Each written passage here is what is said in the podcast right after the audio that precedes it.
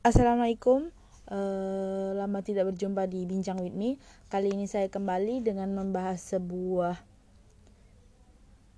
sebuah hal yang mungkin uh, akrab dan menjadi bagian dari kehidupan kita tentunya. Namun mungkin lagi-lagi kurang kita perhatikan efek dari ini gitu. Jadi kali ini kita akan membahas tentang efek Zeigarnik uh, apa sih efek Zeigarnik ini? Jadi efek Zeigarnik ini merupakan uh, suatu kondisi psikologis, suatu kon kondisi yang ketika sesuatu yang belum selesai nih, yang tertunda, uh, tidak bisa kita lupakan dengan mudah atau sering juga disebut dengan efek yang tertunda. Jadi asal usul dari efek ini adalah uh, penemunya sendiri namanya Zeigarnik, Bluma Zeigarnik. Dia merupakan seorang psikolog wanita asal Lituania jadi dia menemukan fenomena dari efek Zeigarnik ini bagaimana? Jadi uh, dia tuh nggak sengaja pada tahun 1927 dia tuh nggak sengaja kan uh, hendak memesan makanan di sebuah restoran di Berlin Jerman dengan teman-temannya. Jadi dia melihat seorang pelayan yang terlihat uh, menerima pesanan dari tamu tanpa mencatat apa pun di restoran tersebut uh, apa yang dipesan oleh tamu tersebut tidak dicatatnya hanya di luar kepala gitu.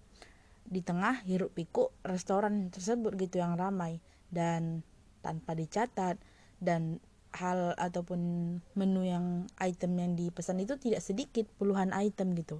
Jadi dia e, penasaran bagaimana pelayan itu bisa melakukan hal tersebut. Dan ajaibnya pelayan itu menyajikan makanan persis seperti yang dipesan. Jadi apa rahasianya gitu Rahasianya, bagaimana sang pelayan mempertahankan daya ingatnya yang luar biasa itu langsung terjawab uh, ketika uh, Zegarnik kebetulan lupa membawa barang ba bawaannya dari restoran tersebut. Jadi dia kembali lagi. Rupanya dia melihat si pelayan itu lalu dia bertanya, e, apakah anda mengingat saya? E, saya yang tadi duduk di kursi ini yang makan di restoran ini barusan saja. Dan secara mengejutkan pelayan itu tidak mengingatnya. Jadi si Zagarnik ini bertanya-tanya, bagaimana orang yang bisa mengingat puluhan item menu tadi tidak mengingat dia yang barusan saja pergi gitu. Dan ternyata inilah yang dinamakan efek Zagarnik. Dia di mengingatnya bukan karena mungkin dia punya ingatan yang brilian, tapi dia punya tanggung jawab terhadap uh, apa-apa yang belum diselesaikan. Jadi kan uh, pelayan ini belum menyelesaikan tugasnya sampai habis untuk mengantarkan menu makanan kepada pelanggannya. Jadi itu hal yang belum selesai. Jadi dia lebih baik dalam mengingatnya tersebut karena itu merupakan hal yang belum diselesaikannya atau mesti tertunda. Jadi uh, sadar nggak sadar teman-teman, efek ini sebetulnya uh, sering sekali uh, terjadi dan kita lihat. Tapi mungkin nggak kita uh, wow ini ya rupanya. Jadi ini nih. Jadi dia tuh lebih kayak kita sering nonton uh, drama ataupun series yang bersambung ya. Jadi ini dimanfaatkan efek ini sama stasiun-stasiun uh, televisi ataupun pengelola uh, penyiaran segalanya lah ya yang menyiarkan drama ataupun series yang bersambung lah berepisode. Uh, jadi efek ini dimanfaatkan dengan baik oleh uh, drama TV. Kebanyakan drama mengakhiri episode pada saat peristiwa penting terjadi.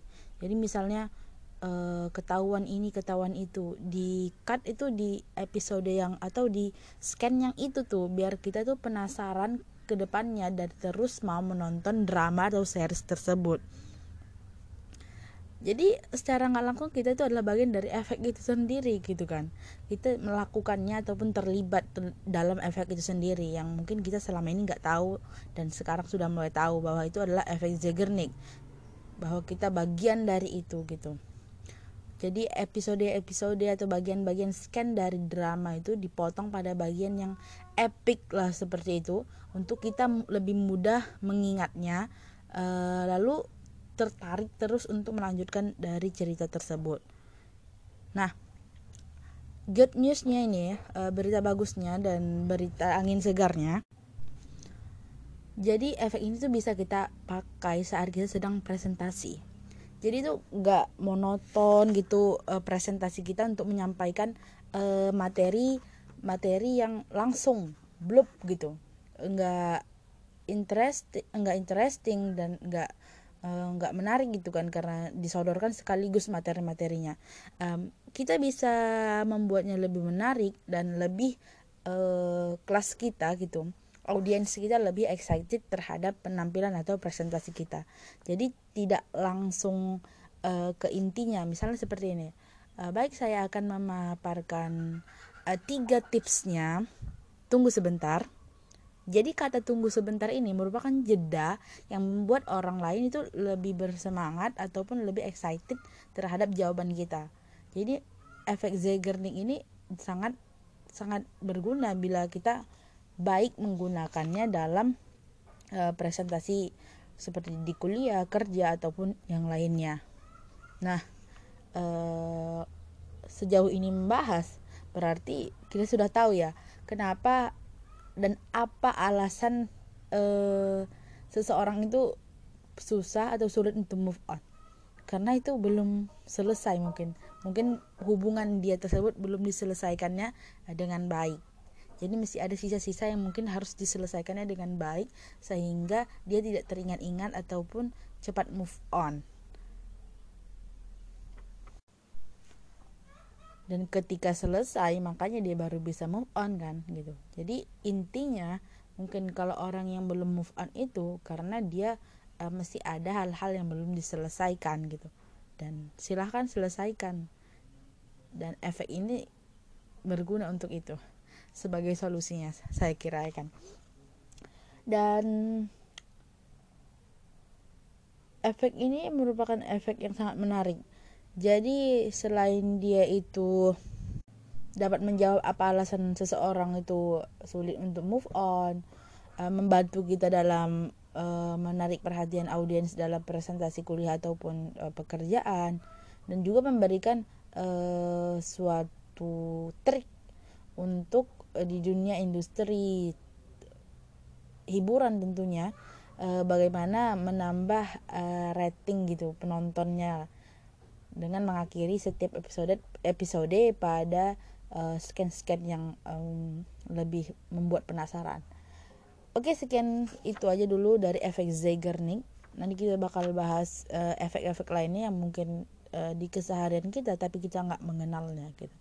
Oke, see you next time. Assalamualaikum.